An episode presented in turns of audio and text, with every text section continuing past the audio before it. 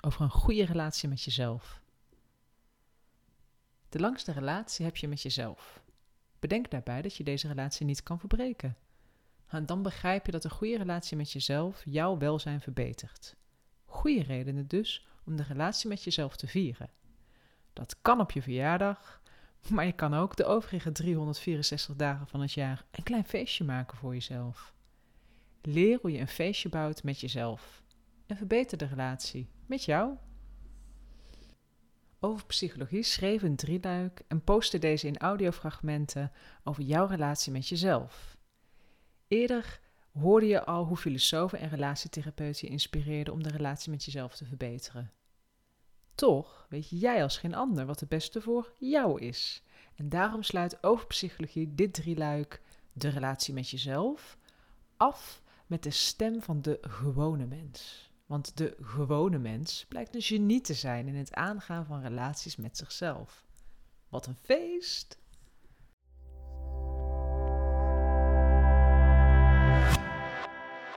Over psychologie. Hallo, ik ben Mirella Brok, relatietherapeut en schrijfster. En je luistert naar mijn audiofragment van de blog Gewoon een feestje bouwen met jezelf van overpsychologie.nl. Over psychologie. Geniale zelfgenieters investeren in een goede relatie met zichzelf. Het leven is een goede leerschool. Geef daarom je oren en ogen de komende weken eens goed de kost. Let op hoe mensen investeren in een goede relatie met zichzelf. En laat je nu alvast inspireren door over psychologie. In de eerste twee paragrafen hoor je hoe avonturiers een feestje maken van de relatie met zichzelf door uitdagingen aan te gaan. Daarna leer je hoe stille mensen contact maken met zichzelf en via verbinding de relatie met zichzelf onderhouden. Raak geïnspireerd door wat anderen doen en haal dan jouw eigen lessen uit voor een goede relatie met jezelf. Over psychologie. Een glimlach gaat de wereld rond. Ik heb mezelf als uitdaging gegeven om iedere dag drie onbekenden te laten lachen, vertrouwt Wendy mij toe, terwijl we een lachende vrouw op straat achterlaten. Met deze zin legt ze uit waarom ze net een grap uithaalde met een jonge vrouw en haar dreumes in de kinderwagen. Wanneer ik het voorval en de uitleg later aan mijn oude huisgenoot vertelt, begrijpt hij meteen wat er achter Wendy's voornemen schuilt. Dit valt samen met de theorie van de glimlach die de wereld rondreist. Dat wat je geeft, komt uiteindelijk bij je terug, zegt hij. Ja, als ik het zo bekijk, dan kan ik zien hoe humor aan anderen humor aan je eigen leven brengt.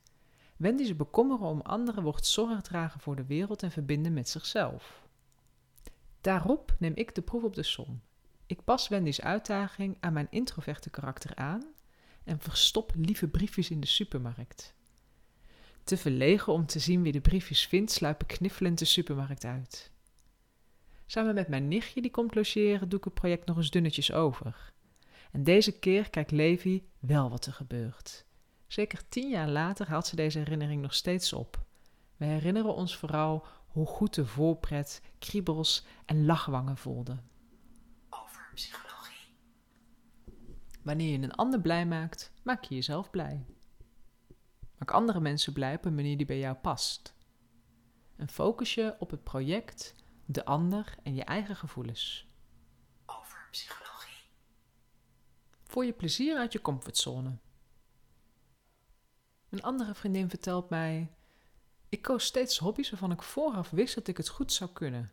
Ballet, moderne dans, paaldansen, ze liggen allemaal in het verlengde van elkaar. Daarom dacht ik: tennis, daar kan ik vast niks van. Dat ga ik eens doen. Dan hoef ik niet goed te zijn.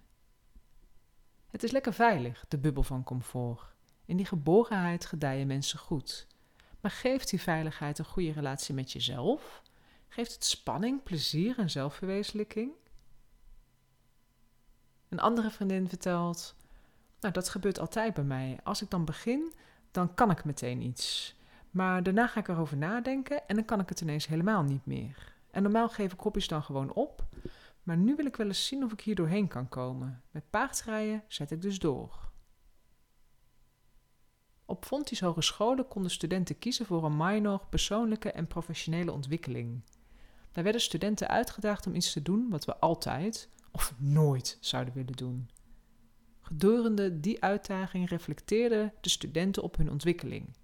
En deze opdracht zorgde voor een ander mensbeeld, een spannend innerlijk dialoog, een culturele gevoeligheid. Bovenal zorgde de opdracht voor een hernieuwd contact met jezelf. Over psychologie. Neem jezelf voor om een hobby op te pakken die je eigenlijk niet durft op te pakken. Observeer jezelf met mildheid en humor terwijl je stuntelt. En maak jezelf tot wie je ook kunt zijn. Over psychologie. Meer voelen in een sabbatical, de natuur, een mis of retraite. Zojuist hoorde je vooral de les om jezelf uit te dagen. Om vervolgens in het goede midden uit te komen, is na uitdaging reflectie nodig. En na reflectie komt dan beste weer een nieuw avontuur. Eerder las en hoorde je op overpsychologie al hoe een sabbatical een brug slaat tussen deze twee uitersten. Een quote uit dat artikel. Ik leg mezelf geen doel op, geen tijdlijn, geen lat. Wel werk ik met intenties en richting. Krijg ik een uitdaging en hoort die bij mijn intentie, dan ga ik het doen. En dan voel ik wel wat er tijdens het doen gebeurt. En wat het ook is, het te voelen is goed. Psychologie. Een sabbatical vertraagt je en die vertraging geeft je tijd om te verbinden met jezelf. Verbinding met jezelf is ook mogelijk dankzij spirituele ervaringen zoals een kerkelijke mis, een zweethut de natuur bekijken of een retraite. Het zijn allemaal mooie methodes om een goede relatie met jezelf te versterken. Je gaat als het ware op date of op vakantie met jezelf. Over psychologie. Dus kies voor jezelf een date of vakantie uit die bij je past. Neem jezelf mee en neem je gevoelens waar tijdens het samen zijn met jezelf. Over psychologie. Kunst absorberen voor een goede relatie met jezelf. Wanneer we iets met aandacht doen, dan heeft je brein geen tijd voor iets anders, vertrouwde mijn oud-yoga-docente Mieke ons toe tijdens een geleide meditatie. Voor de meditatie mochten onze ogen uiterst langzaam van boven naar beneden over een object laten glijden. En we keken het object van top tot teen steeds opnieuw. Bewust kijken en luisteren naar iets dat boeit, weerkaatst de aandacht van onszelf naar onszelf.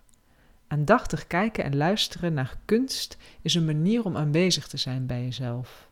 Wanneer je kunst schept, kijk je doordringend naar je werk. Je voelt je werk dan ook ontstaan. Bijvoorbeeld zoals de kunstenaar Chertise Solano. Ik heb nooit een idee. Het is meer een gevoel van dit moet het zijn. Over psychologie.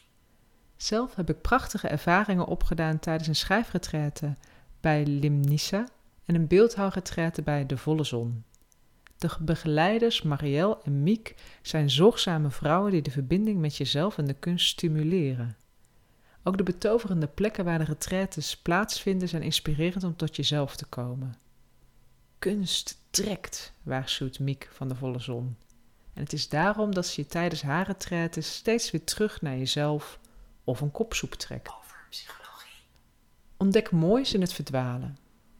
Laat schoonheid je brein afleiden. Keer terug naar jezelf en voel. Over psychologie. Een goede relatie met jezelf. Hoe zijn andere mensen die lijken op jij en ik bezig met een gezonde relatie met zichzelf? Allereerst door uitdagingen aan te gaan en zichzelf steeds opnieuw vorm te geven. Om vervolgens ook stil te staan en zich te verbinden met iets groters. Wanneer je deze twee bewegingen afwisselt, ontstaat er uit beweging een dans. Een dansje met jezelf, op het feest ter ere van jou. Over psychologie. Bronnen. Voor een goed feestje met jezelf. Dit artikel en deze podcast waren de laatste van een drieluik over goede zelfzorg. Heb je de eerdere gemist? Nou, wat jammer. Geef je dan dus op voor onze nieuwsbrief en mis in de toekomst niks meer. Maar lees voor nu de artikelen gewoon eens terug in ons archief. Of bestel jouw inzichtkaarten om de relatie met jezelf dagelijks te onderhouden.